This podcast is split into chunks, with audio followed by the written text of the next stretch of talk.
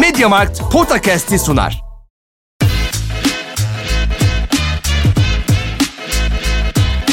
Potakast. Kaan Kural ve Orkun Çolakoğlu'yla NBA gündemine haftalık bir bakış.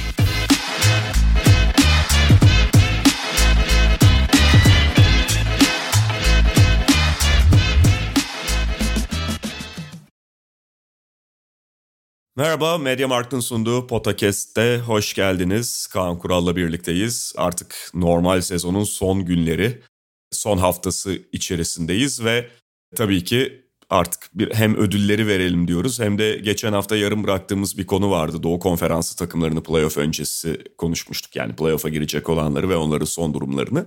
Şimdi de batıdaki durumu, batı playoff takımlarının playoff'lara nasıl bir durumda girdiğini konuşacağız. Zaten resim netleşmiş durumda. Play-in'e girecekler dahil olmak üzere. Haftaya da zaten hem play-in maçlarını, geride kalan play-in maçlarını hem de şekillenen playoff tablosunu ve belli olan eşleşmeleri konuşacağız. Ama bugünkü konularımız dediğimiz gibi bu şekilde. Başlarken Kaan abi istersen MediaMarkt'ın Ramazan kampanyasından bahsedelim. Şöyle bir şey var fırınlardan ekmek kızartma makinelerine işte çay makinelerinden air fryer'lara Ramazan boyunca ihtiyaç duyulabilecek tüm elektronik ürünler MediaMarkt'ta.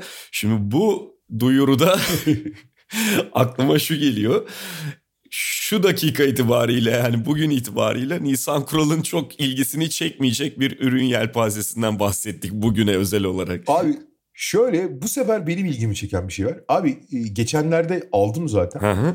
Abi hayatım boyunca yani ekmek kızartma makinesinde çok gerekli bir şey olmadı. Yani tost makinesi olduğu sürece hani çok da lüzumsuz bir şey olduğunu düşünüyordum. Hı hı. Abi çok güzel bir şeymiş ya. Yani herkese tavsiye ederim abi. Gerçekten çok güzel bir şey yani. Yani hakikaten kahvaltıya seviye atlatıyor yani. Onu söyleyeyim. Güzel. Ama en azından senin inisiyatifinde yani. zaten evet, almışsın evet. da zaten. Aynen. Yani şöyle 10 kere Nisan'a bir kere bize diyoruz Çok abi. iyi süper. Afiyet olsun abi. Eyvallah. Peki ya istersen ödüllerle başlayalım. Şimdi zaten bundan bir süre önce sezonun 3'te ikisi mi geride kalmıştı herhalde o, o noktada olması lazım. Ödülleri konuşmuştuk. Hani bir üzerinden geçeceğiz. Bazılarını zaten kısa kısa konuşuruz. O gün bahsettiklerimizden çok uzun bahsetmeye tekrar aynı şeyleri söylememize gerek yok. Hatırlayanlar olacaktır ama belli şeylerde de ki bunun en öne çıkanı MVP kategorisi. Ya hakikaten öyle bir sezon oldu ki neredeyse normal sezonun hani son maçı da bir bitsin öyle karar verelim noktasına gelmiştik. Sadece biz değil herkes. Öylesine bir yarış söz konusuydu MVP'de. Bir kez daha burada sezon bitiminde hani durduğumuz nokta nedir ödüllerde bunu değerlendirebiliriz. Ve tabii ki MVP ile de başlayabiliriz. Ben önce şeyi söyleyeyim abi. Ben ya burada biz kendi bir kere kendi ödüllerimiz vereceğiz. Yani biz işte oy veriyor olsak Tabii tabii, kim alır değil yani. Yani Amerikalılar nasıl oy verir tahmin etmeye çalışmıyoruz onu söyleyeyim. Ben bir de şey kriteri belirledim abi. Son zamanlarda işte e, oyuncuların çok dinlendirildiği işte Covid prosedürü falan dediğin maç kaçırma işte çok maç oynadı, çok maç kaçırdı muhabbeti olduğu için kendi kendime çok çok keskin olmamakla birlikte belli kriterler belirledim. Ben şey diyorum abi bir oyuncu bir takımın 5 maçından 4'ünde oynadıysa yani maçların %82 bu 66 maça falan denk geliyor. Oynadıysa o sezonu oynamış kabul ediyorum ben. Yani 66 maçın üzerindeyse e, hiçbir şey yok. Tamamen katkı vermiştir. Ha tabii ki çok maç oynayan 80 maç oynayana bir artı puan veriyorum ama 67 maç oynayana da eksi puan vermiyorum. Anlatmaya çalıştım.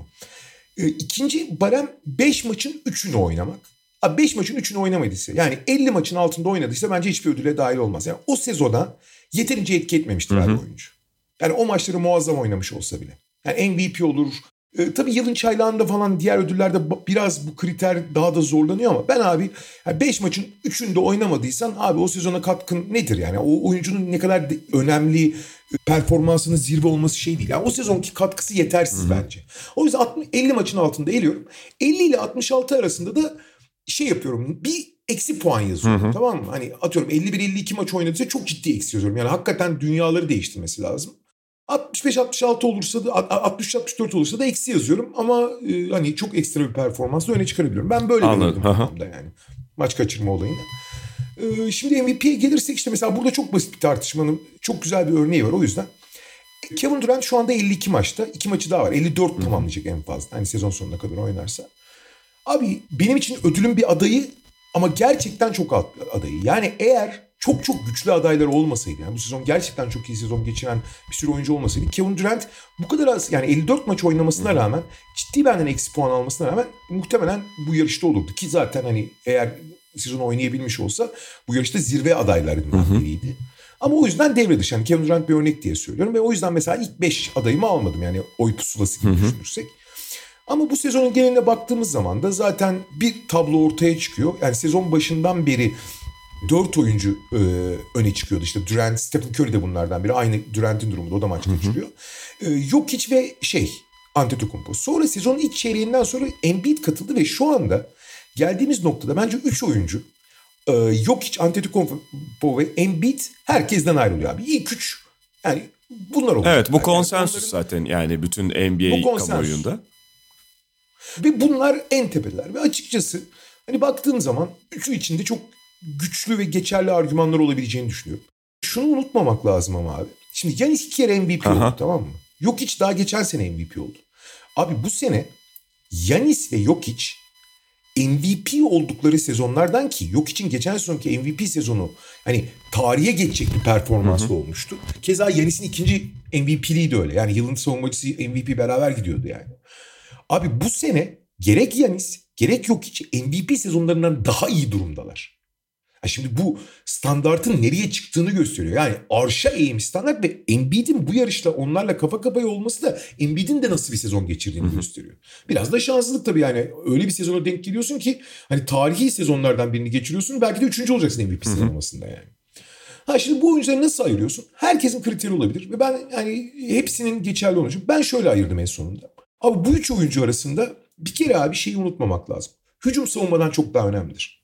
Bireysel çünkü ise. Eğer takımsa evet oyunun yarısı savunmadır. Ama bireysel olarak savunma ile hücumu eş tutamazsın abi. Çünkü bireysel olarak hücum edebilirsin, bireysel olarak savunma yapamazsın abi. Ha pota altı savunmacılarının bireysel savunma değeri tek bir oyuncudan daha fazladır ama takım savunma halinde e, şey savunma takım halinde yapılır. Birbirleriyle şey yaparak koordinasyonla yapılır. Çok fazla switch de oluyor. Ama bireysel tek başına hücum edersin abi. Tek başına hücumu ayağa kaldırırsın. O yüzden bireysel bir ödül konusunda, bireysel bir etki konusunda hücumun değeri savunmadan çok daha. Artı bir nokta daha var. Abi üst düzey hücumcunun yerini kompanse edemezsin. Ama üst düzey savunmacının yerini kompanse edebilirsin. Yani savunma yapabilmek daha yaygın ve daha bulunabilen bir özellik. Hücum öyle değil abi. O yüzden de hücumu çok daha ağırla koyuyorum. Bu savunmayı göz ardı ettiğimden değil. Ama şimdi en başta şuradan gelirsek bu üç oyuncu arasında savunma anlamında işin ilginç en zayıfı Embiid abi. Yani geçen se- sezon geçirdiği sezona bakıyorum. Embiid bu sezon hiç Evet, takılmadı evet. savunmaya. Sıfır yani. Çok iyi savunmacıdır bakma sen. Yani Yanis'i de durdurur şeyi de durdurur. Ama bu sene hücum sorumlulukları gereği büyük oran hiç savunmaya takılmadı. Yok hiç de e, yetenek olarak bunların arasındaki en zayıf savunmacı olmasına rağmen bu sezon ciddi anlamda geliştirdiği işlerini. Ayakları hala yavaş ama ellerini daha kullandığı bir savunma yapıyor. Daha akıllı, daha iyi pozisyon kovalıyor. Ee, ve çabası da fazlaydı ve açıkçası ortalama üstü hatta artı değer katan bir savunmacıya bile dönüştü yok hiç. Yanis'i söylemiyorum zaten. Yanis yılın savunmacısı adaylarından biri aynı zamanda. Burada Yanis'in çok ciddi bir avantajı. Ama işin esas önemli tarafına gelirsek abi hücum tarafında abi Jokic çok başka bir yerde yani.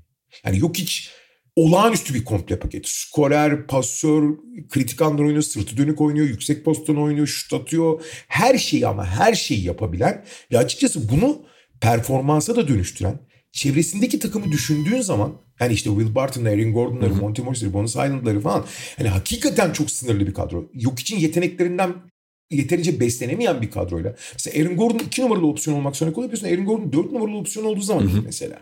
Ya Jeff Green'i falan ayağa kaldırıyor ve açıkçası buna rağmen yani bu üç takımın galibiyetleri de birbirinden çok farklı değil. Çok yakınlar galibiyet sayısı anlamında. Yok için hücum anlamında hepsinden daha iyi bir sezon geçirdiğini düşünüyorum. Her ne kadar sayı ortalaması olarak hani sayı kralına koysa da Yanis'le Embiid. Ee, Jokic çok çok daha komple bir hücumcu ve olağanüstü bir hücum sezonu geçiriyor. Abi Jokic bu sezon %68 gerçek şut yüzdesiyle oynuyor. Sayı, rebound ve asiste ilk 10'da. Rebound da ikinci zaten. E, Sayıda 8, asiste de 7 mi ne öyle bir şey yani. Ve bunu akıl almaz bir verimlilikle yapıyor. Yani %70 gerçek şut yüzdesi nedir abi %69. Ben bu yüzden abi Jokic'i bir de az da olsa diğer iki oyuncu yani Yanis'le şey Embiid 68-69 maçlar oynayacak. Şey, Jokic 73'te şu anda. 70'te 74 75'te bitirecek. Yani hani oradan da çok ufak bir avantajı var ki o bence önemli değil. Ama bu farktan dolayı Jokic'i 1'e, Yanis'i 2'ye Embiid'le 3 yazdım. Embiid'le ilgili yani Yanis'i zaten çok konuştuk. Uzatmayacağım. Embiid'le ilgili tek şeyi söyleyeyim. Yanis, Embiid hücum anlamında biraz daha dar bir çerçevede oynuyor Embiid. Yanis çünkü özellikle belli açılardan üretmesi zor bir oyuncu ama çok da iyi bir pasör Yanis. Yani hücumun merkezi olabiliyor. Embiid'in en önemli sorunu Embiid büyük oranda bir bitirici abi. Yani hücumu komple ayağa kaldırmıyor ama skor yönüne çok büyük katkı yapıyor. Ama hücumun en önemli yanı skordur abi. Yani atıyorum sadece sayı atıyor olsam bile bu yeterli çünkü asıl amaç o. Yani diğerlerini yapmadan onu yapabiliyorsan ne hala. Yani Durant gelip kaldırıp atıyorsa tamam abi. Hani pasta vermeyi versin. Ne gerek var ki o pası niye veriyorsun? Sayıya gitmek için veriyorsun zaten. Hani daha az emek harcıyormuş gibi gözüküyor. Bazı oyuncular var ya işte hani büyük emekle bir şeyler üretiyorlar. İşte pas veriyor, araya giriyor, bilmem ne yapıyor. Ya kardeşim tamam bütün bunları yapıyorsun. Hepsini de takdir ediyoruz da e, sen direkt kaldırıp basketi atıyorsan bu diğerlerini yapmana gerek yok yani. Onlar sadece işin süsü oluyor yani. Hı hı. Küçümsemek için söylediğimden değil. Yani asıl amaca ulaşıyorsan. Hani Embiid bu anlamda çok etkili. Ama bu Embiid'i Yanis'in mesela çok üzerine koymuyor bence. Çünkü Yanis de müthiş bir bitirici. Belki o kadar net bir skorer değil. Sayı kralına yakın olmaları bir şey değiştirmiyor ama o daha iyi bir pasör falan filan daha merkez. Artık dediğim en iyi savunmacı. Ben o yüzden yok hiç Yanis Embiid diyorum. Ya son dönemde zaten yok hiç ve Yanis biraz kafa kafaya kalmışlardı. Hani Embiid'in bir tık arkada kaldığını söyleyebiliriz. Son iki haftada falan. Orada da yani Antetokounmpo'nun 2-3 tane üst üste böyle çok şey maç oynaması. Yani yumruk vuran maç oynaması ve gerçekten oy verenleri belki etkileyebilecek seviyede. Hem üst düzey rakiplere karşı kazandıran hem de... Bir tanesini Embiid'e evet, karşı. Evet yani hem üst düzey rakiplere karşı işte Philadelphia'sıydı, Phoenix'iydi bu tip rakiplere karşı gösteriyor performansları. Hem de direkt olarak hani maçın sonunu falan hem de iki yönlü etkilediği için haliyle çok akılda kalıyordu. Şimdi bunlar önemlidir.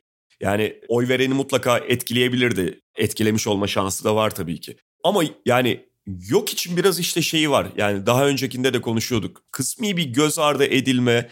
İşte Denver'ın şu anki durumundan ötürü özellikle Jamal Murray'nin Michael Porter Jr.'ın yokluğunda biraz daha böyle net şampiyonluk adayı değil de alttan gelen takım olma durumundan ötürü takım olarak da göz ardı edilme ya da biraz daha böyle göz ucuyla bakılma. Dolayısıyla onların arada kaynama durumu var. Fakat bu Denver kadrosunu yok için yani kendi haricindeki şu Denver kadrosunu 47-33'e taşımasının ne kadar önemli olduğunu gerçekten atlamamak gerekiyor. Yani sen de bahsettin aralarında çok az bir derece farkı var ve Denver'ı şu da etkiliyor mesela. Milwaukee atıyorum 49-30'la 3. sırada Doğu Konferansı'nda. Philadelphia aynı derece zaten onlar da 4. sırada yer alıyor. Denver Onların aslında bir tık arkasında gibi. Yani 47-33 onların da derecesi. Onlar batıda 6. sırada. Hani böyle konferansın 6.sı falan deyince biraz daha şey algılanıyor işte vasat bir takım gibi falan konferans içerisinde ki yani Denver'ın oralarda da olmaması gerekiyordu. Bunu çok konuştuk, bundan çok bahsettik zaten. O seviyeye getiren tamamen yok hiç. Yok hiç dışındaki oyuncuları gerçekten böyle e, durup durup tekrar düşünüp değerlendirmek gerekiyor ve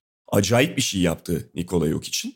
O yüzden yani zaten şey de bahsettiğin gibi senin de istatistiklerine baktığımızda geçen senenin de üzerine çıkmış durumda. Bu tek başına bir şey ifade etmeyebilir ama acayip bir seviyede oynadı yok hiç. Ve herkesi beraberinde yukarı çekti çekebileceği kadar. Zaman zaman Denver'ın yani hakikaten kendi kapasitesinin üzerinde maçlar kazanmasını sağladı ve yani bu kadronun bu seviyede sezonu götürmesi yok hiç dışında bir oyuncuyla mümkün olur muydu? Bence olmayacaktı. Bence de. Yok işte ilgili iki tane küçük not ekleyeceğim abi kusura bakmazsan tekrar. Birincisi abi şimdi 73 maçta ya işte 74-77 abi yok için bir de çok az kötü maçı var ya. Hı hı. Çünkü hani en üst düzey oyuncunun bile kötü maçı yani standart altı diyelim maçı olur. Abi yok için ya 2 ya 3 tane var. E, Yanis'in ve Embiid'in 5-6 yani onların da çok değil sonuçta 66 maçta. Tabii ki her 10 maçtan biri. Ama onların 6-7 tane varken yok için çok az var abi kötü yani şey maçı. Basat altı maçı. Beklentinin altı maçı. O çok önemli. Bir de Amerikalıların bakış açısında sen işte Denver'ın pozisyonundan bahset. Biraz da abi e, bu daha önce Harden'ın da başına çok gelmişti. Abi oyun sitli çok göze hoş gelmeyen, çok estetik gelmeyen oyuncular ki belki e, Embiid de belki biraz bundan muzdarip olabilir yakın zamanda. Çünkü çok fazla foul almak üzerine kurgulamaya başladı oyununu.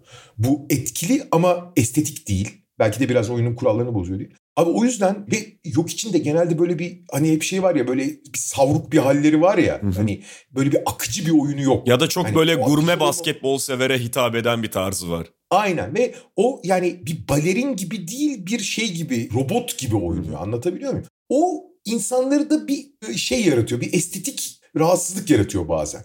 Bu benim için geçerli değil. Ben tam tersi. Ya da yeterince etkilemiyor. Hani rahatsızlık değil de Aynen, etkilemiyor. Ya bu Antetokounmpo Aynen. işte bir tane şey Aliyup blokluyor. "Ya Bu ne yapıyor falan gibi. Bunu direkt olarak dile getirmiyor kimse ama zihinde belki böyle yer ediyor.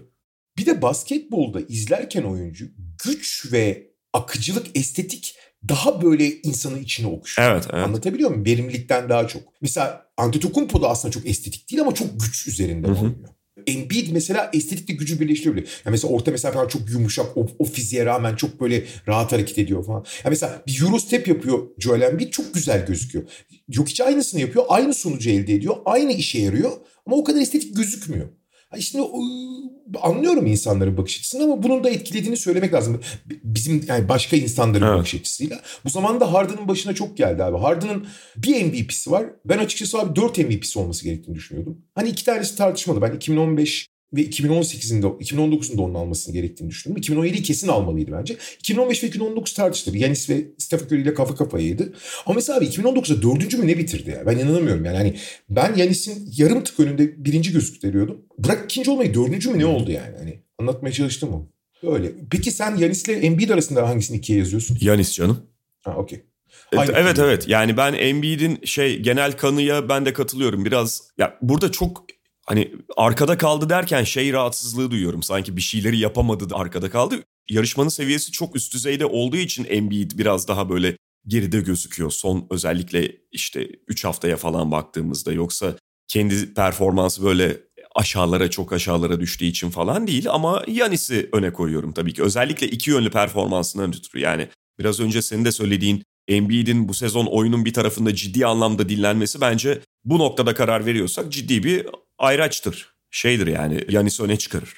Bir kere daha tekrar edeyim bu arada. Yani Embiid'in de çok gerçekten güçlü MVP argümanları var. Yani MVP'ye birinci sıraya yaz- yazsa biri de ulan ne, ne biçim oy vermesin demem onu da söyleyeyim. Artı iki şey daha ekleyeyim. Bir, biraz daha savunmaya yani en yüksek standart ama biraz daha şey olsaydı savunmaya kendini verseydi yer değişebilirdi. Veya sezonun ilk çeyreğini daha iyi oynamış olsaydı da birinci sırada yer alabilirdi. Dediğimiz gibi üçü de çok hak etti ama onların arasında birini seçmek gerekiyor. O yüzden yok hiç Yanis Embiid dedim. Ben şeyi merak ediyorum. Yani onu çok e, detaylandırmayabiliriz ama 4 ve 5'e kimi yazarsın abi? Oralar çok karışık çünkü. Doğru. Mesela ben oraya Banko Kevin Durant'i yazıyordum ama maç kaçırma yani birincisi çok az maçta oynaması işte 52 maç şu an itibarıyla. İkincisi Tatum'un, Doncic'in hatta Devin Booker'ın yani Devin Booker biraz daha parantez içinde kalıyor belki ama bunların sezonun ikinci yarısını acayip geçirmeleri benim kafamı biraz karıştırıyor. Peki söyle Bak 4-5. şunu da söyleyeyim pardon şunu da söyleyeyim abi. Kevin Durant'in sadece az maç kaçırması da değil. Bu tamamen Durant'in problemi değil ama ben MVP'de değerlendirmeye alınması gerektiğini düşünüyorum. Yani bir takım bu kadar takım halinde beklenti altında kalıyorsa, bu kadar istikrarsız performanslar gösteriyorsa bence MVP'de adı geçen oyuncuyu da yani onun takımı ise etkilemeli. O yüzden ben Kevin Durant'i biraz şeye yani biliyorsun benim sezonun ilk üçte birlik bölümünde MVP'm Kevin Durant'ti. Doğru. Öyle görüyordum. O zaman zaten Nets işte Kyrie Irving yoktu bilmem ne onca probleme rağmen. Bu ta- şöyle bu tartışmayı şey diye yapıyorsak şu anda NBA'nin en iyi oyuncusu tartışması yapıyorsak Durant hala orada çok ciddi bir Tabii tabii, aday o- yani. yani dünyanın Tabii ki o başka bir şey yani onu şey yapabiliriz Hı hı. ama MVP için yani ben bütün bunların değerlendirmeye alınmasını ve bir takımın gerçekten bu seviye istikrarsızlık yaşadığı takdirde bu direkt olarak Kevin Durant'in suçu demiyorum. Bir kez daha bunu söyleyeyim yani yanlış anlaşılmasın ama onun o adaylığını etkilemesi gerektiğini düşünüyorum. Yani benim nezdimde en azından etkiler ve Ke- Kevin Durant'i bu nedenle hem 52 maçta sadece oynadığı için hem Brooklyn aşırı istikrarsız oynadığı için ve bu bir ölçüde de bence Durant'e yazılması gerektiği için Durant'i dışarıda bırakıyorum abi ben. Ben de ben maç yüzünden dışarı yapıyorum. Sadece şurada sana şeyi bir şerh düşeceğim. Abi şimdi Durant'in öyle bir oyunu var ki ben Brooklyn'in istikrarsızlığında yani tamamen suçsuz değil ama faturanın çok çok az bir bölümünü kesiyorum. Mesela yok için takımı Brooklyn kadar yani istikrarsız olsaydı yok içe çok yazardım onu. Veya Lebron'a anlatabiliyor muyum? Veya Yanis'e. Fakat Durant abi takımından çok bağımsız işler yapan biri olduğu için yani takımı ayağa kaldıracak türde bir oyuncu değil. O fark yaratacak türde oyuncu. O yüzden faturanın kısmı yazıyor ama bu da tamamen hani bu suçtan arındığını göstermez. Sadece onu söyleyeyim. Aynı nedenlerle ya daha doğrusu da çok az maç oynadığı için ve açıkçası çok iyi adaylar olduğu için bence Durant'i eledim. Sen 4-5'ini söyle şimdi. Bu, tamam Durant'i elemenin nedeni. Doncic'le Tatum abi ama sırasına onların karar vermedim. Yani Tatum'u bir öne yazarım muhtemelen. Ben de şöyle söyleyeyim. Ben de Doncic ve Booker diyeceğim. Çok kısa şey söyleyeyim. Doncic abi yılbaşından beri inanılmaz evet. oynuyor. Eğer abi ilk bir buçuk ay, ilk iki ayı biraz normal geçirseydi, kötü geçirmeseydi yani çok formsuz geldi, çok kilolu geldi. Şu anda abi ilk üç sıradaki adayla bir kafa kafayaydı zaten. Ama o iki, iki aylık bir süreyi kötü geçirdi yani. O yüzden orada ama son iki buçuk ayı da son üç yapardım üç buçuk ay, ayı da muazzam oynadı yani muazzam. O yüzden dört. Booker'ı da abi bir devamlılığı, bir toplam oynadığı maç bir de Pol'ün yokluğundaki performans çok etkileyiciydi. Yani hem oyunu yönlendirip hem takımı oynatıp hem skorerliğinden ödül vermeden bu ikisini ben ikisini bir arada yapabileceğine inanamıyorum. Zaten Booker bu sezon 3 sayı volümünü de arttırdı. Oyunu iki taraflı inanılmaz oynuyor. Yani işin savunma tarafında acayip konsantre. Yani Yanis'i bir kenara bırakırsak üst düzey takım sürükleyen oyuncular arasında en iyi savunma yap. En çok savunmaya kendi veren oyuncu. En iyi savunmacı belki biraz abartılı olabilir ama en çok savunmaya kendi veren oyuncu. Yani Yanis gibi savunmadan çok ciddi artı puan alıyor onu söylemek lazım. Çok kendini veriyor çünkü. O kadar veriyor ki foul problemi giriyor manyak yani. Hani ulan biraz sakin lan. Yani ve özellikle Pol'ün yokluğunda bu hani hem skorerliğini bir üst seviyeye taşıması, 3 sayı volümünü arttırarak, yüzdeyle arttırarak hem de Pol'ün yokluğunda oyun kurucu iki yani, e, koltuğun altında iki karpuz sıkıştırması işte Tatum gibi. Bu arada Tatum da aynı Doncic gibi. İlk iki ay korkunç oynadı yani. Korkunçtu gerçekten. Son 3 ay muazzam oynamış olsa da e, onu etkiliyor. DeRozan acayip istikrarlı gitti ama o da bir seviye altta gibi. Çok az bir altta gibi. İşte Curry çok maç kaçırdı ve zaten sezonun ikinci yarısını iyi oynamadı falan. LeBron çok maç kaçırdı. E, o da hani takımın mesela şey senin Durant için verdiğin takımın başarısızlık faturası LeBron için çok daha geçerli bence. Yani kur, kurulumundan başlıyor. ha bu arada işte mesela şimdi Lakers'la ilgili e, yani Lakers'a ve LeBron'a bok atmak güzel bir şey tamam mı? Çünkü güzel hedef yani abi onu eleştirmek. Ve bunların çok büyük bir kısmını hak ediyor LeBron. Mesela bu sene savunmada yaptıkları, takımla olan ilişkileri, vücut dili falan bir sürü hani elma çeşit şey sayarsın. Ama bireysel anlamda çok iyi. Yani maç artık yaşından dolayı ve işte beklediği beraber çok maç kaçırıyor ama bireysel olarak çok iyi sezon geçirdi abi LeBron. Kariyerin en iyi şut attığı sezonlarından biri. Hala çok çok özel bir oyuncu ama pek çok diğer sebepten gelemiyor. Ben de şey diyorum Doncic'le Booker diyorum. Peki yılın savunmacısı diyelim. O iş biraz karıştı Bence ya. de karıştı çünkü yani buraya Rudy Gobert'i yazıyorduk. Yine de hani o sahadayken Utah farklı bir savunma takımı oluyor. Onu oradan çektiğinde iyice dağılıyorlar diye. Yalnız Rudy Gobert'li Gobert'siz her türlü dağılmaya başladı Utah Jazz ve evet. orada anlatı da biraz değişti.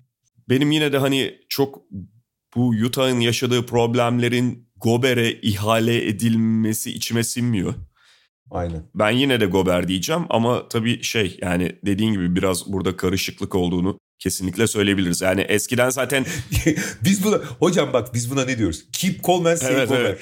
Ve bir de şey abi eskiden bunu söylerken Gober'le ilgili olarak yani önceki ödülleri aldığı şeylerde de Gober dedim mi zaten Utah'ın defensive rating ile takım halindeki defensive rating, rating ile çok rahat destekleyebiliyordu. Şimdi artık öyle bir durum da kalmadı. 11. artık savunma verimliliğinde tutacağız. Ama dediğim gibi hani ve bir öncekinde de konuştuğumuz gibi orada Rudy Gobert'li Gober'siz ya da Rudy Gobert nasıl bir yapıyı ayakta tutmaya çalışıyor? Artı tabii rakipleri kim? Bütün bunları değerlendirmek lazım. Ben, mesela ben Draymond Green maç kaçırmasa iki ay ve Golden State o seviyesini koruyabilse kesinlikle Draymond Green diyordum. Zaten sezonun başında ilk üçte 1'de Draymond Green demiş olmam lazım ama iki ay maç kaçırdıktan sonra ve Warriors tepe taklak gittikten sonra o tabii devre dışı kaldı. Ya ben de Gober diyeceğim çünkü hani hakikaten işin içinden çıkamayınca Gober iyi bir seçim. Bu arada yani Gober iyi bir sezon geçirdi. Hani şey mecburen Gober dedim. Şöyle bir ufak problem var yalnız Gober'le ilgili. Gober biliyorsun çok ıı, demir adamdır yani o boyda ve o fizikte bir oyuncu için çok az sakatlanır. Bu sezon maalesef ciddi yani ciddi demeyelim de hatırı sayılır miktarda maç kaçırdı. Şu anda 63 maçta. Hani sezonu 64 ya da 65 de bitirecek. Yani hani tam 5'te 4'ü anca tamamlıyor. Genelde biliyorsun 75 maçları mutlaka bulurdu yani. Fakat işin ilginç yanı bu seneki adayların hemen hemen hepsi ciddi. Yani hiçbiri 70 maçları bulamadılar. Ben mesela Gober'i bire yazıyorum ama işte Draymond Green zaten devre dışı kaldı. Yani o 50 maçı bile bulamadığı için.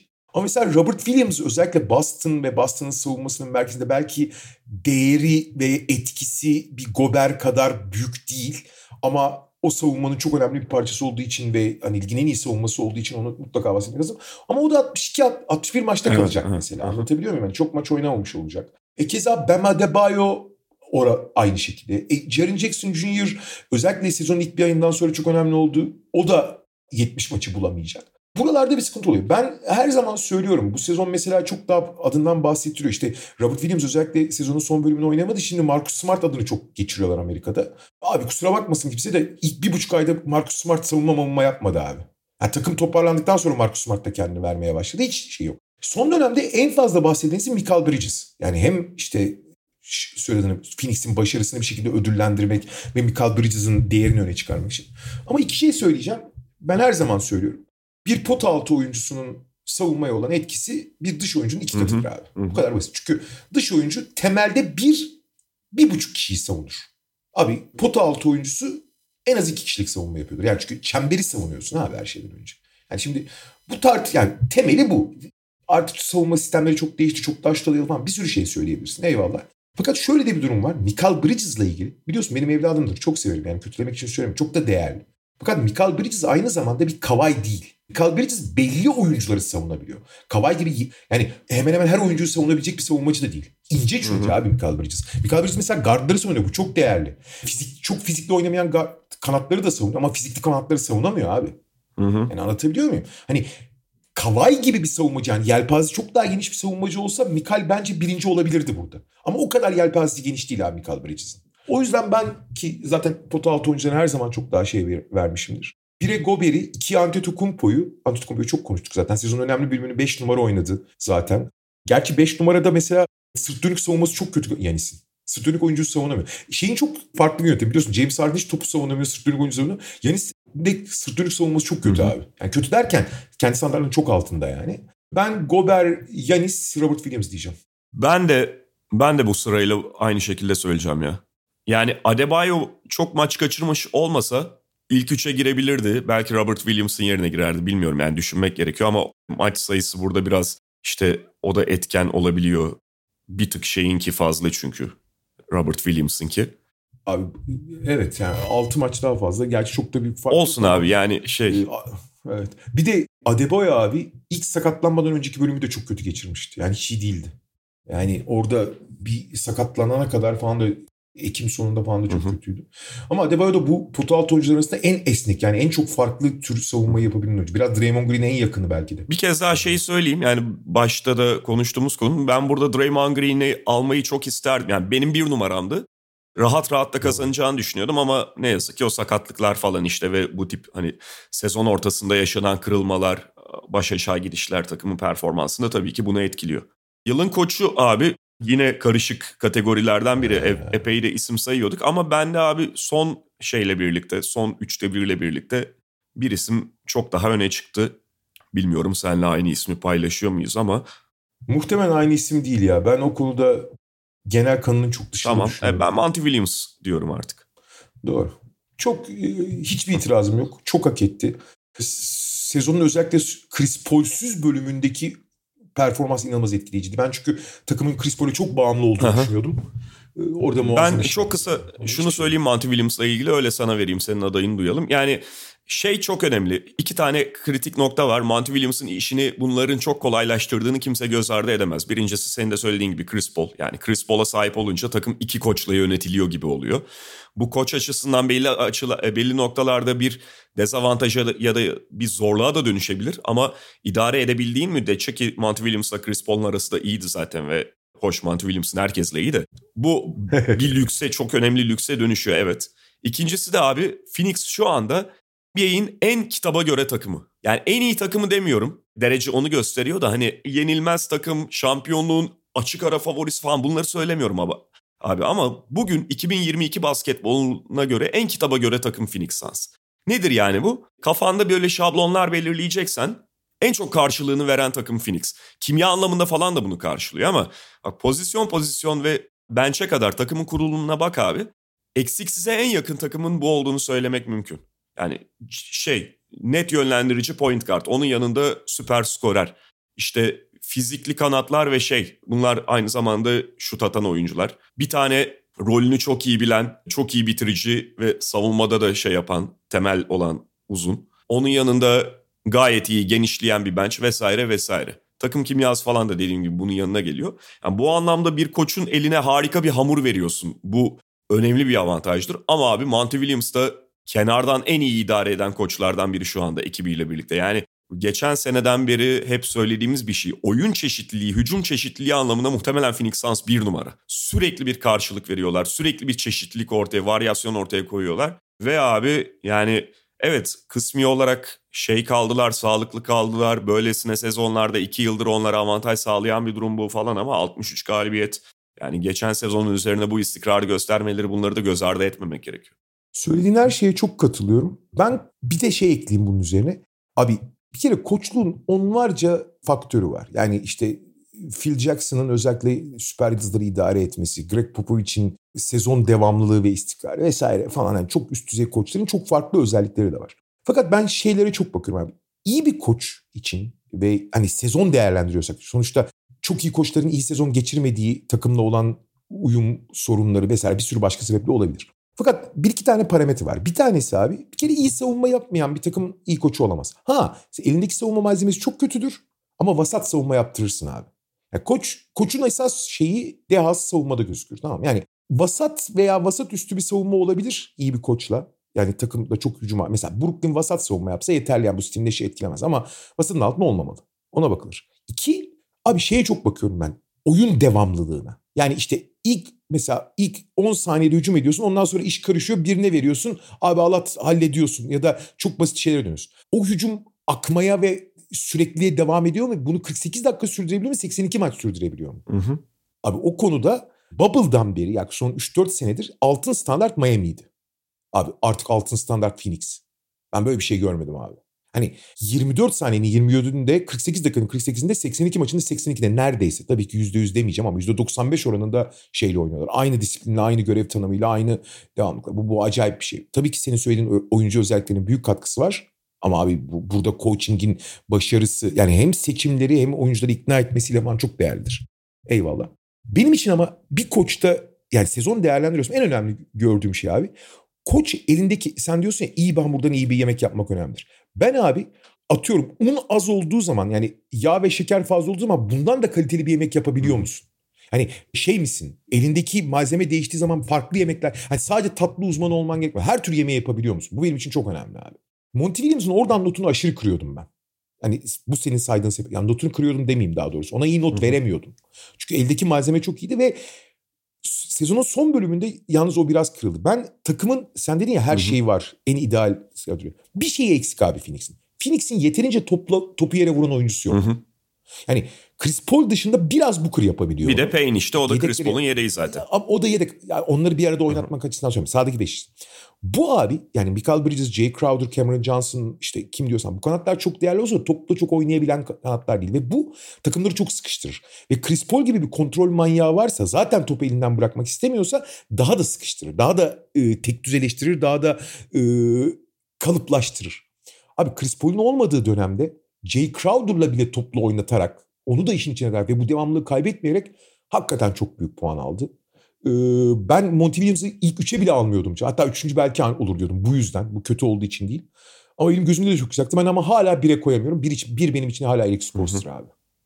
Yani Alex Foster'ın yaptığı iş yani çok uzun konuştuk. Tekrar anlatmaya gerek yok. Ee, takımı kullanımı. Bu sene mesela e, çok olumlu taraflar. Abi e, bu sene mesela Jim Butler çok ciddi kan kaybetti. Yani Jim Butler ve Adebayo'nun kaçırdığı maçları söylüyorum. Jim Butler eski hevesinin çok uzağında abi. Hı hı. Yani kötü bir sezon geçiriyor gerçekten. Ee, işte Kyle Lowry çok maç kaçırdı biliyorsun. Kyle Lowry normal sezonda takım oynatma işleri falan. Hani onların olmadığı dönemde olduğu dönemde harika işler yaptı. Devamlılıkları inanılmaz. Ee, hala savunma yani zaten iyi bir savunma malzemesi ama savunma bilim dönemler. Ben Spolstra 1, Monty Williams 2 ve Taylor Jenkins 3 diyeceğim. Abi Taylor Jenkins de yani bir kere bu, biliyorsun sezonun ilk bir ayında sonuncuydu Memphis savunmada. Lig sonuncusuydu. Abi sezonu 5. Evet. bitirecekler. İlk bir ayı çıkarırsan ikinci oluyorlar abi. İlk bir ayı çıkarırsan. Ve onların da işte Jamorant'sız 20'ye 2 gitmeleri takımda kim eksik olursa olsun abi işte ulan abi Desmond Bey'siz Jamorant'siz Phoenix falan yendiler yani neredeyse tam takım. Ee, bu genç kadroyla görev dağılımını doğru yapabiliyor olması bunları.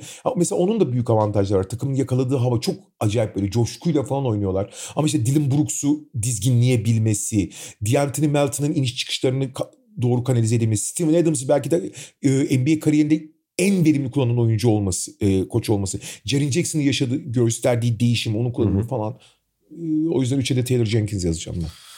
Ee, hiç itirazım yok abi benim de. Yani ben buraya işte şeyi çok yazmak istiyordum. Yazıyordum da bir öncekinde e, Bickerstaff'e ama şey gibi oldu yani o kadar fazla sakatlık yaşadılar ki bu Bickerstaff'in tabii ki kabahati değil ama sakatlık yaşayıp oynayamayan bir oyuncuyu nasıl biraz devre dışı bırakıyorsak Bickerstaff'te de öyle bir durum ortaya çıkmaya başladı. Yine de gayet başarılı bir sezon geçirdiler ama hani yılın koçu e, adaylığından benim e, için en azından biraz daha böyle geriledi ya da e, arkada kaldı diyelim. E, çok fazla aday var yani Yudoka'nın ismini burada anmak gerekiyor. Nick Nurse'ü anmak gerekiyor. Ee, yine son dönemde geride kalsa da Bill Donovan belki. Vesaire vesaire. Ee, Kid. Hepsi. Yani çok çok severiz. Kid abi Kid'in hakkını yememek e, lazım. Tronlu.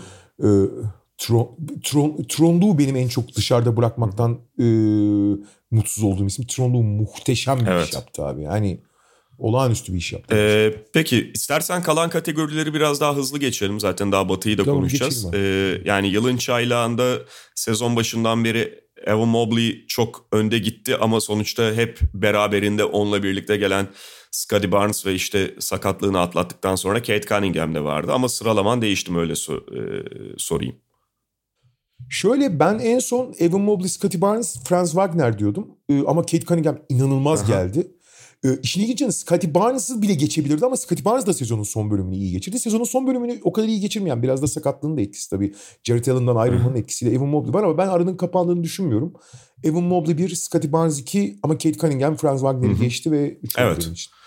Ben de aynı fikirdeyim. Şey 6. adam her zaman en çok tartışmalıdır ama bence orada Tyler Hero çok acayip evet, bir yerde. değişmedi bu ve Miami'ye kattığı da yani bazı takımlar ona biraz daha ihtiyaç duyuyor ve Miami o takımlardan biri Tyler Hero e, yani hem çok iyi bir sezon geçirdi hem de çok takımın ihtiyaç duyduğu bir rolü oynuyor, kapatıyor. E, benim için hala bir numara. 2-3'e kimleri yazarsın? Bir saniye abi bir şöyle bir e, hızlıca göz gezdiriyorum unuttuğum olmasın diye. Altıncı adamdı çünkü genelde unuturum ben. Ben sana birkaç aday sayayım tamam. istersen. Cameron Johnson, Buddy Hield, Jordan Clarkson, Montrezl Harrell, Kevin Love, Kelly Oubre mesela. E, Kevin Love'ı şimdi bir kenara ayırıyorum zaten onu söyleyecektim de. E, ya Buddy Hield'ı falan şey yapmıyorum abi çok ciddiye alamıyorum. Takım ben takımda. Yani, Yok, anladım seni de. Burada Jordan Poole'u dahil edemiyor olmak yazık tabii e, ki. Edemiyor. Evet. Çünkü tabii. Jordan Poole yani birazdan zaten MIP'de bahsedeceğim ondan. Sadece onunla alakalı değil de çok fazla da ilk 5 çıktığı için biraz bu kategoride dışarıda Abi şu kalıyor. 73 maç, oynadı, 73 maç oynadı. 48'in ilk 5 oynadı. Yani, yani yarısından çok ilk 5 oynadı. O yüzden ee, eğer Spencer Dinwiddie sezon başından beri Dallas'ta olsaydı Spencer Dinwiddie derdik ama öyle bir durum da yok. Yok. Ee, Jordan Clarkson da çok geriledi bu sezon. Çok geriledi hem de. Valla kaçırdım. Montrezl Harrell e, Washington'da çok iyiydi ama Charlotte'da aynı şeyi sürdüremedi evet, o kadar. Ve sadece hücum veriyor. Yani çok şey evet. böyle biraz balon istatistik yaptığı için ondan soğuyorum o konuda. Ee, ne kim var ya benim kaçırdığım? Sanki aklımda biri var. Neyse Kevin Love diyeyim abi iki numaraya da. Ben de Kevin Love 2, Kelly Oubre 3 diyeceğim. Olabilir evet. Yani e, Cameron Johnson da olabilir 3. Emin değilim ama Kelly Oubre. Oubre olabilir. Kelly Oubre'nin tek problemi bazen böyle belli periyotlarda çok e, üst düzey katkı verip on, yani aynı istikrarla devam etmiyor ama bu sonuçta idare edilebilir abi, bir durum. O kadar istikrar, o kadar istikrarlı oynasaydı Real Madrid'de oynardı. O yüzden yedek zaten abi. Hayır o yedekliğin istikrarsızlığında da garip bir çizgisi var Kelly Oubre'nin. ee, ve MIP Biraz önce Jordan Poole'dan bahsediyordum ya. Ben şeyi söyleyeyim bu arada başta. E, yani 3'te 2 geride kaldıktan sonra Darius Garland demiştim yanlış hatırlamıyorsam. Kendi bir numaralı adayım olarak. Çünkü yani ben onun oyun kurucu olarak gösterdiği gelişimi istatistiğin ötesinde, istatistiğinde de gelişim var ama Onun ötesinde o oyun olgunluğundaki e, zıplamayı falan çok etkileyici buluyorum. Jordan Poole'da da bence benzer bir durum var. Yani Jordan Poole geçen sezonun e, sonlarından itibaren zaten gelişim gösteriyordu. Bunu gö- e, sergilemişti işte playing maçlarına falan da ama e, bir sezona yaymak ve daha yüksek volümde top kullanırken e, verimlilik düşürmeden aynı rolü hatta daha fazlasını oynayabilmek o da çok etkileyici. E, yani iki tane direkt saydığım isim onlar olabilir. Senin tabii Morant en son dediğini biliyorum. Ama Morant bir, bence Morant bir numara abi. Yani Morant'in e, ya hep söylüyorum işte e, Everest'in 7000 metresine çıkmak yani Everest'in dibinden 7000 metreye çıkmak 7000 metre çıkıyorsun ama 7000'den 8000'e çıkmak daha zor. Yani o yüzden e, Morant 1, Miles Bridges 2, Darius Garland düşünüyorum. Miles Bridges da abi e, bazı açılardan Garland'ın çok daha etkili olduğunu, çok daha öne çıktığını, yani hücumu neredeyse tek başına çünkü ondan başka yaratıcı oyuncu neredeyse yok hücumda. E, daha etkili olduğunu söyleyebiliriz. Yalnız Miles Bridges abi biraz karakteri gereği belki de bu da eksi puan yazılabilir ama geride kalsa da abi o kadar komple bir oyuncuya dönüştü ki inanın yani LeBron light oldu ya resmen. Fakat karakteri yetmiyor sadece. Yani pasif kalmayı kabul edebiliyor. Abi 21 sayı ortalamayla oynuyor. Tamam takımın en skoreri. Abi normalde 26-27 ile oynaması lazım. Yeterince top vermiyorlar. Almıyor, istemiyor. Ee, acayip asist rakamlara inanılmaz arttı. Bu sezon 3 sayısı düştü işin ilginç yanı. Geçen sene çok iyi üçlük atıyordu. Ee, ama ona rağmen verimi çok düşmüş değil. Ee, yani 12,5 sayı ortalamadan 20 sayı ortalamaya geldi falan. Ee, geçen sene biliyorsun hani çok 20 maç mı ne çıkmıştı. O da sakatlıklar yüzünden. Hani yedek bir oyuncuyken şimdi e, inanılmaz komple bir oyuncu dönüştü. Çok fizikli oynuyor. E, pas verebiliyor. iki eliyle oynuyor falan çok çok komple bir oyuncuya dönüştü. Yani kişisel sempatim var ayrı konuda. Yani sempati için söylemiyorum. belki karakterinden dolayı ve ulan bu kadar şey yapabiliyorsun yapsana eşek herif niye pasif kalıyorsun da diyebilirsin. ama bu yani zihinsel olarak o kadar gelişmemiş olsa da hala bir beta karakter olsa da ben şey gelişimini, oyun gelişimini çok çok çok çok etkileyici buluyorum. Garland'ı daha üste yazabilir ve çok da kabul ederim. Jamorant'ı yine yazmam ama hani Jamorant 1, Miles Bridges 2, e, Garland 3 diyeceğim. Ama Garland 2 olması da hiç rahatsız etmez beni yani. Hani Garland'ın tek sorunu Garland anormal top kaybediyor vesaire. Yani o konularda belki sorumluluğuyla ilgili takımda başka top üreten oyuncu olmamasıyla. O bence evet abi çok yani e, mesela Garland'da beni etkileyici beni etkileyen şeylerden biri e, hakikaten o takımda başka seçenek yok. Ya da işte bulmaya çalıştılar falan ama ne kadar ikna edici. İşte Lavert geldi evet, de ne evet. kadar yani. yani. Sürekli sakatlandı abi. Kim orada bir derme çatma seçenek üretmeye çalıştıklarında Rondo vesaire gibi onlar bile devre dışı kaldı sakatlandı. Abi Rubio sezonu tamamlasa ne, neler olurdu acaba? Yazık yani Cleveland yani, e, hani sezon başı beklentisine göre iyi bir sezon ve beklenti üzerine çıktı ama yine de ukde kalacak muhtemelen. Ee, bir de abi bu üçe omuz atan ya da belki içeride olması gereken e, şey de var. Dejounte Murray. Kesinlikle.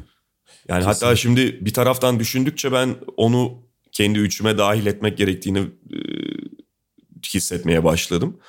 Abi rakamsal olarak çok haklısın da ben yani izlediğim zaman ben oyununu geliştiren oyuncular benim için çok daha önemli. Rakamsal olarak evet. Dejounte Murray oyununu o kadar anormal geliştirmedi. Her şeyi daha iyi yapıyor ama farklı şeyler yapmıyor. Mesela atıyorum dribbling üzerinden e, genelde hep aynı orta mesafeye gidiyor. Evet belli bir üst volümü atıyor ama biraz mecburiyetten atıyor gibi. Ee, şey açısından mesela hücum yaratma açısından da biraz kısıtlı. Yani evet oyun kurucu vesaire e, ama hücumda e, avantaj yaratma konusunda e, çok ileri adım atmadı. Yani oyunu çok çeşitlendirmedi. Oyunu daha iyi hale getirdi ama o kadar da çeşitlendirmedi bence en azından bu adaylar için. O yüzden dörde koydum. Yoksa o da olağanüstü gelişim gösterdi. Kimse bir şey Doğru değil. yani hani DeMar DeRozan'ın oradan sonuçta çekilmesi DeJounte Murray'e e, ciddi bir alan açtı oyunu yönlendirme hmm. konusunda ve haliyle bununla birlikte belki e, yükselen istatistikleri de var ama yine de hani biraz önce şeyde de bahsettiğim gibi e, Jordan Poole'da da yani bu yaşlarda oyuncuların ani rol artışıyla birlikte e, verimliliği düşürmemeleri hatta onu da belli ölçüde artırmaları da etkileyici. Oyun stilinde ya da işte teknik olarak çok bir farklılık göstermese de orada tam anlamıyla gelişmese de o yüzden. Ee, Peki böyle kapatalım. Şimdi şeyi söyleyelim abi bu arada. All NBA takımlarını haftaya yapacağız. Bir araya sıkıştıracağız yani onu play, playoff e, sohbeti içerisinde. Buradan playoff öncesi batı takımlarına geçebiliriz. Ee, ya doğudaki gibi bir karmaşık yarış yok Evet. burada. Kategoriler Ee, daha belliydi zaten- yani. Aynen. Phoenix'le Memphis'i ayıralım zaten. Onlar hani 1 ve 2 oldular. Ve onlarla ilgili zaten çok konuştuk. Çok söyleyecek Evet bir şey yok. Phoenix'i de zaten Ee, yani şöyle Phoenix'le Memphis'i ayırırken Phoenix'i bir diye bir ayırmak lazım. Tabii tabii tabii. Tabii tabii. Yani öyle. Hani bir Phoenix, iki Memphis. Ee, biz genelde tabii yarışları ve yarışların durumunu konuşuyorduk. Ee, onlar ayrıldı. Ee, aşağıdan başlarsak e, San Antonio ile e, New Orleans e, Lakers geçtiler ve özellikle San Antonio çok yani ikisi de istim üstünde geliyor bu arada. Ee, ama yani ikisinin de e, birinin 34 biri de 35 galibiyette olduğunu unutmamak lazım abi. Yani e, mesela Doğu'nun şeyleri son sırasındaki takımlar e, kazandığından çok kaybettiğinden çok kazandı. Atlanta'lar, Charlotte'lar. New Orleans'da San Antonio son dönemde istim üstünde olsa biri yani son 10 maçın 8'ini biri 7'sini kazanmasına rağmen hala %45'in altındalar galibiyet yüzdesinde. Bunu yani son dönemde iyi olsalar da onu söylemek Artı lazım. şu da var yani şimdi play'in e, aşağı yukarı belli gibi işte Minnesota Clippers Minnesota'nın hala ufak da olsa bir 6. sırayı alma ihtimali bulunsa da e, Minnesota Clippers, New Orleans, San Antonio şeklinde kabul edebiliriz ve yani Clippers'ta önce Paul George ve son olarak dün Norman Powell'ın dönmesiyle Clippers e, Clippers oldu ve şimdi Aynen. 7-8'den dahi çıkabilirler yani direkt e, Minnesota'ya kafayı atıp kendini 7. sıraya da yazdırabilir. Olmasa dahi yani bunlardan ilk maçı kaybeden hangisi ise New Orleans San Antonio galibine karşı çok büyük avantaj sahibi olacak kağıt üzerinde. Aynen öyle. Aynen öyle. Aynen öyle. Clippers çünkü bir anda kimlik değiştirdi. Yani onu söylemek lazım. Ee, sen 7-8 maçından bahsediyorsun. Yani Clippers'ın bu e, çok önemli. Bir de Clippers için şey çok önemli abi. Clippers bütün bu yapıyı yani işte Steve yani son iki sezonda bu şeyler yani Chris Paul, Black Griffin jenerasyonu gidip bu jenerasyon yani Kavai'nin gelmesinden sonra tamamen kanat organizasyonu bir takım kurdu. Zaten takımda 7 tane falan 8 tane kanat Evet, oyuncusu var abi. Hani ve Kawhi ve Paul George üzerine bir takım kurgulamıştı. Mesela Reggie Jackson'ın, Zubats'ın falan diğer oyuncuların diğer yapının hepsi kanattan oyunun organize edilmesine kurguladı. Şimdi sen kanattaki bütün oyuncularını kaybettiğin zaman daha doğrusu organizatör oyuncu değil. Reggie Jackson'a hiç istemediği bir rolü vermeye başladığın zaman dengeleri de şaşırttın. Şimdi dengeler tekrar oturuyor. Reggie Jackson e, takım için üretmek zorunda olmadığı zaman da etkinliği artacak. Nikola Batum'un tamamlayıcılığı şu bu falan. Bu arada onların da sağlığına kavuşması önemli. Bir yerde orada yani sadece oyuncu kalitesi anlamında değil oyun e, dengesi açısından da önemli bir gelişim olacak. E, oldu da zaten görünüyor da yani bu. E, Clippers orada çok başka duruyor. Burada Minnesota biraz kan kaybederek geliyor playoff'a. Ee, onların işte sezon boyunca çok yüksek konsantrasyon, yüksek çabayla gösterdiği savunmanın hani takımda çünkü atanlar ve tutanlar diye ikiye ayırıyorsun takımı. Yani hücum edenler savunma yapamıyor, savunma yapanlar hücum edemiyor. Öyle bir ayrım var ki bu çok zor bir şeydir. Bunları çok iyi kombolayıp hani hü- e, iyi hücum edenlerin başta Carl Anthony Towns olmak üzere mücadelesi sayesinde bir e, yere varmaya çalışıyordun ama bu takımın hani e, özellikle D'Angelo Russell ve Di- e, Carl Anthony Towns sahadayken iyi savunma yap yani üst düzey savunma yapmasında ne kadar zor olduğu ortaya çıkmaya başladı. Onlar biraz kan kaybederek geliyorlar playoff'a. Evet e, bu biraz dikkat çekici. Yine de şöyle bir durum da var abi. Yani ben play'in üzerinden hani belki ondan bahsetmek gerekir. Şimdi Phoenix'le e, Memphis'i hızlı geçtik ama e, 7'ye kendini yazdıracak takım yine de hani herhangi bir 2-7 eşleşmesine göre Memphis'in karşısında e, tabii ki standarda göre daha yüksek şans sahibi olacak. Özellikle Clippers'ta. Yani Memphis'in işte Aynen. Morant'ın e, sakatlıktan dönecek olması noktasında da bir soru işareti barındırdığını söylemek gerekiyor. Her ne kadar Morant'siz çok iyi gitseler de bu kadar ağırlıklı bir oyuncuyu tekrar takıma koymak ve e, bir daha ritim bulmaya çalışmak bunlar riskli işlerdir.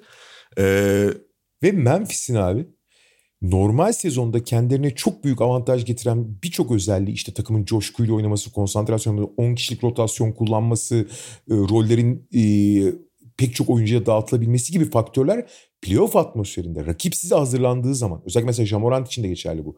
Jamorant çok fazla doğaçlama yapıyor ama ona iyi hazırlandığı zaman ne yapacak? Hani Memphis'i normal sezonda çok özel kılan bir sürü faktör törpülenecek. Onu unutmam lazım. Bu karşısına gelen bağ, takımdan bağımsız olarak dörtlenecek. Doğru abi. Yani hatta şöyle işte bu sabah şey görmüştüm. Haralabos Ulgaris bir grafik paylaşmıştı.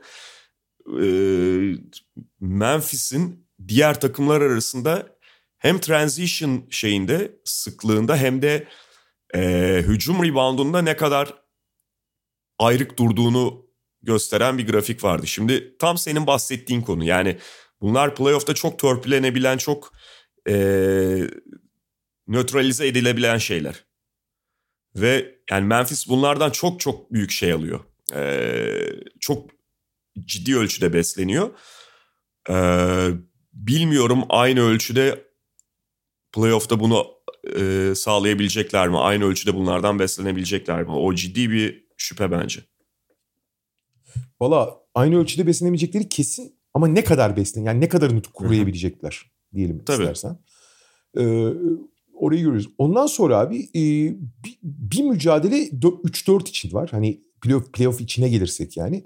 Golden State ile Dallas. E, Golden State yarım adım önde görünüyor ama onlar acayip bir tökezleyerek geliyorlar playoff'a. E, Stephen Curry sakatlandıktan sonra Stephen Curry belki sezonun ikinci yarısında şut yüzdesi falan düşmüş olsa da bu hücumun çalışmasının asıl sebebi yani kendi atmasa bile varlığı bir kere üzerinden çünkü e, Golden State e, topsuz hareket üzerinden ve e, oyun yani read and react denen yani oyunu oku ve ona göre reaksiyon ver. Rakibin açıklarını değerlendir üzerinden. Topsuz oyuncuların belli bağımsız hareketlerinin olduğu ve bunların değerlendirildiği bir oyun oyunu. Abi topsuz oyuncuların verimli olması için Stephen Curry'nin çekim etkisi şart.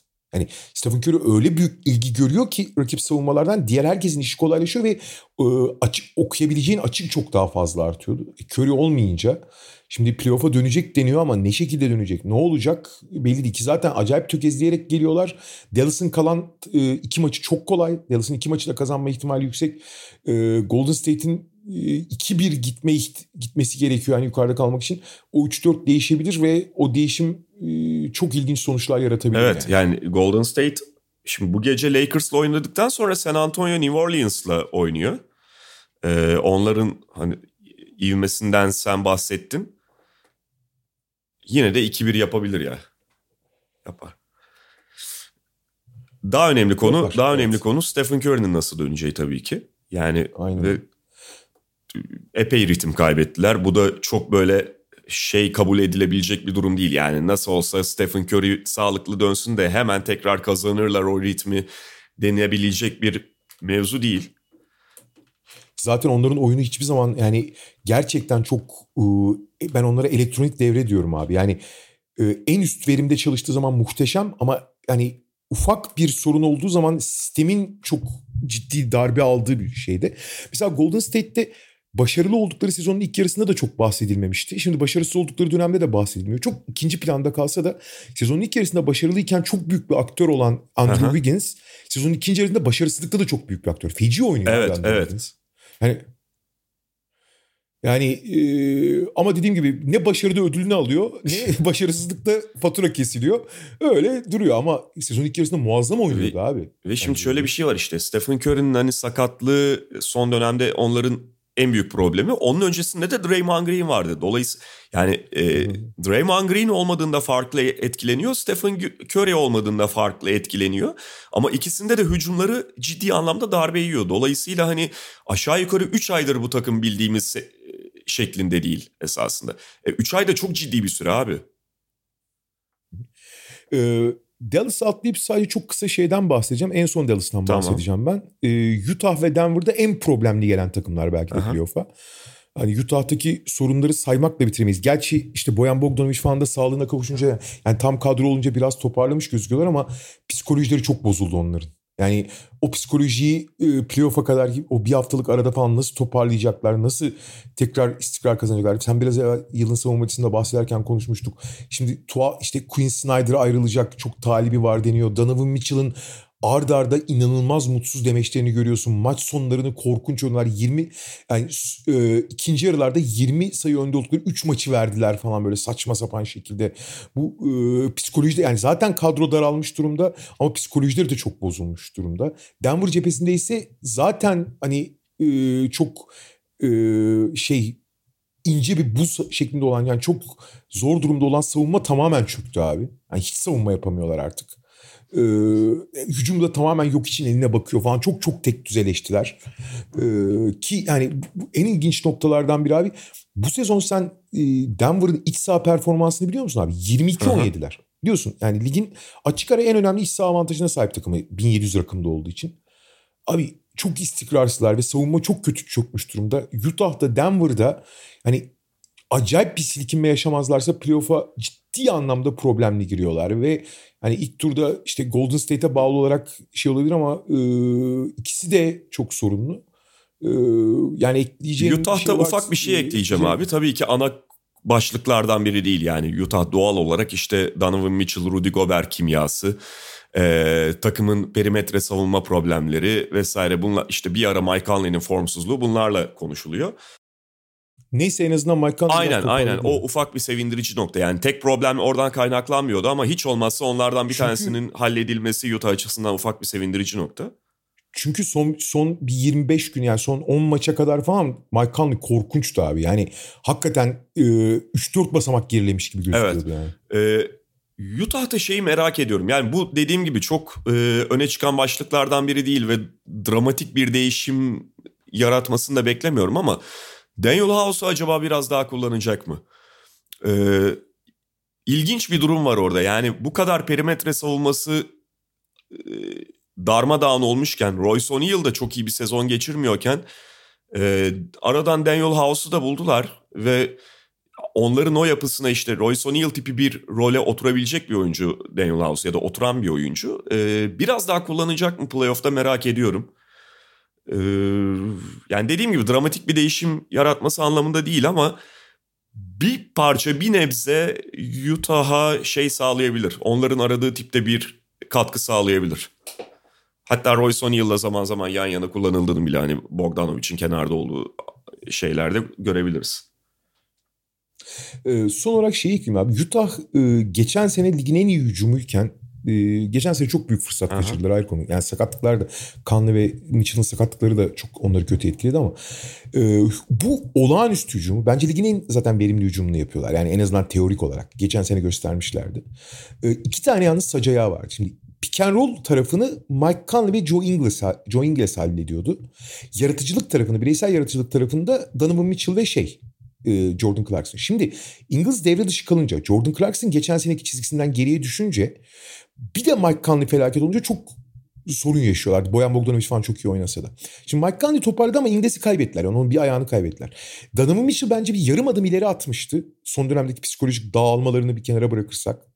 Ee, ama orada da Jordan Clarkson geriledi. Onların asıl gücü olan hücumu da e, şey yapan, e, tırpanlayan bir durum bu. Onu da söyleyelim. Ve gelelim abi Dallas'a. Buradaki yani bu gruptaki en enteresan takım olabilir. En enteresan derken işte Golden State'in e, bu sakatlıklardan ötürü içine girdiği belirsizliği falan ayırıyoruz.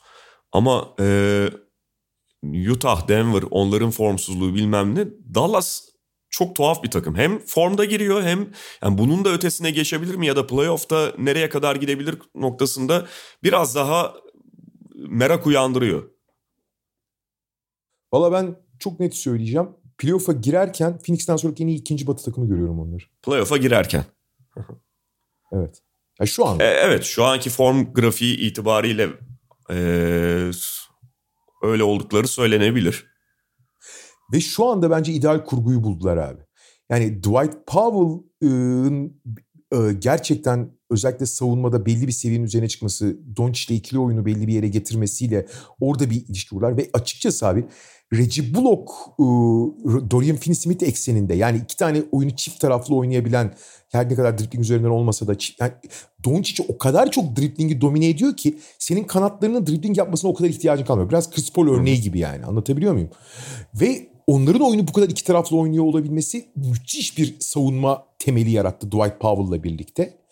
Doncic zaten bunların hepsini devreye sokuyor ve Doncic özellikle abi e, sezonun yani yıl başından beri öyle bir seviyede ki hani herkesi devreye sokabilen inanılmaz bir parça oldu. Artı en önemli eksiklerini de yani Doncic'e sıkıştırma geldiği zaman, Doncic yorulduğu zaman yani Doncic'in yarattığı avantajları, 4'e 3'leri kullanabilecek oyuncu olarak oraya da Jalen Brunson'ı ve kenardan da Spencer Dinwiddie'yi ekledikten sonra da bu Doncic'in yarattığı avantajları ikinci bir daha büyük bir avantaja dönüştürme konusunda çözdükten sonra ideal dengeyi bulmuş gözüküyorlar. Ee, işte Powell blok e, şey ekseninde savunmayı da acayip yukarı çıkarmış durumdalar. Ee, zaten 5 dışarı yani Dwight Powell'sız 5'lerde 5 dışarıda da oynayabiliyorlar ki bu ne kadar rakipleri sürklase edebilecek bir yapı olduğunu geçtiğimiz iki yılda çok görmüştük. Ee, ben Dallas'ı yani gerek ya form olarak bir şey söylemeye gerek yok zaten adamların son 30 maçın 21'ini mi 22'sini mi ne kazandılar? Yani o zaten ortada. Sadece form değil abi. Yani takım dengesi olarak da yani Doncic'in etrafında kurgulanma açısından da e, çok ideal bir noktada olduğunu görüyorum ve yani şu anki kurguyla yani formdan bağımsız Phoenix'in arkasında ikinci sıra yazarım yani. Ee, yani bu ivme konusunda ben de sana katılıyorum ve yapı konusunda abi. Benim iki tane şeyim var Dallas'la ilgili. Yani bir tane birbirine de bağlı esasında. Ee, bu takımın şu anda en öne çıkan zayıflığı uzun.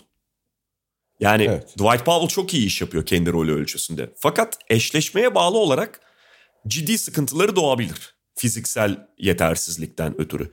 Ve şimdi yani potansiyel eşleşmelerine bakıyorum. 4-5 bugün itibariyle Utah. Denver Utah'a geçerse Denver yani Gober, Jokic.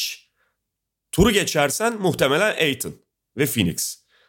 Ee, bir şekilde biraz önce bahsettik yani hala Golden State'i yakalama ve geçme ihtimali de var diye. Bu olabilir. Bu arada şey e, Dallas Utah'a geçerse şeyle oynuyorlar. E, Phoenix'le oynayacaklar. Onu diyorum.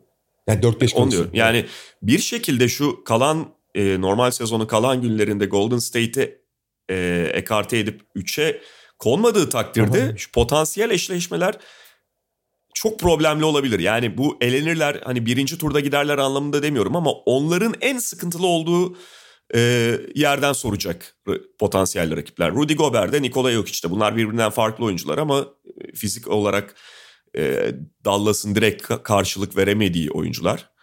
E, hani Phoenix'ine ikinci tur ihtimaline gelmiyorum. O bence Dallas'la ilgili şu an itibariyle e, ne kadar ivmeli girseler de en büyük önlerindeki engel. Bakalım. Ama güzel bir playoff bizi bekliyor gibi. Valla güzel bir playoff bizi bekliyor da e, şeyin biraz tadı gazı kaçtı ya. Doğu yani tarihin en iyi playofflarından biri olacak gibi gözükürken e, biraz tadı kaçtı abi. Birkaç takım ciddi kan kaybetti. Onu şey abi Chicago çok etkiliyor. Ee, bir de Brooklyn'in evet. çok böyle kırık dökük gitmesi de işte Ben Simmons konusunun uzaması bunlar etkiliyor ama yine de ne olursa olsun abi yani e, evet hani ilk turdan bir tane 1-8 ya da 2-7 dışında canavar bir şey belki çıkmayabilir ama e, ondan sonrası gerçekten doğuda şey çok çok yakın olacak gibi. Yok yani Doğu playoff'u muhteşem olacak. Sadece hani tarihi bir playoff olma şeyini bir hafif hafif kaybetti gibi geldi evet. bana biraz. Ama çok güzel. Batı bu sene biraz daha şey ya. Yani e, problemli takım sayısı ve açıkçası e, yani işte Golden State, Utah, Denver biraz biraz belki Minnesota sorunlu giriyor. O biraz e, hafif e, şey yapıyor. Yani Batı playoff'unu geçtiğimiz yılların bence arkasına koyuyor. Yoksa e, genel toplamda çok iyi bir playoff bizi Hı-hı. bekliyor. E, hiç ihtimal görmüyorum. Yani bence yüzde yüzde bir o ihtimal ama bir de bir kavay mavay bir yerden çıksa çok acayip bir şey olabilir orada ya. kavay yani abi beni dürtmeyin falan noktasındadır. Muhtemelen. Yani öyle zaten değil mi? Yüzde bir ama çok acayip olabilir yani. Peki bu haftalık bu kadar diyelim. Mediamarkt'ın sunduğu podcast'te haftaya tekrar görüşmek üzere diyoruz. Hoşçakalın. Hoşçakalın. Mediamarkt Podcast'i sundu.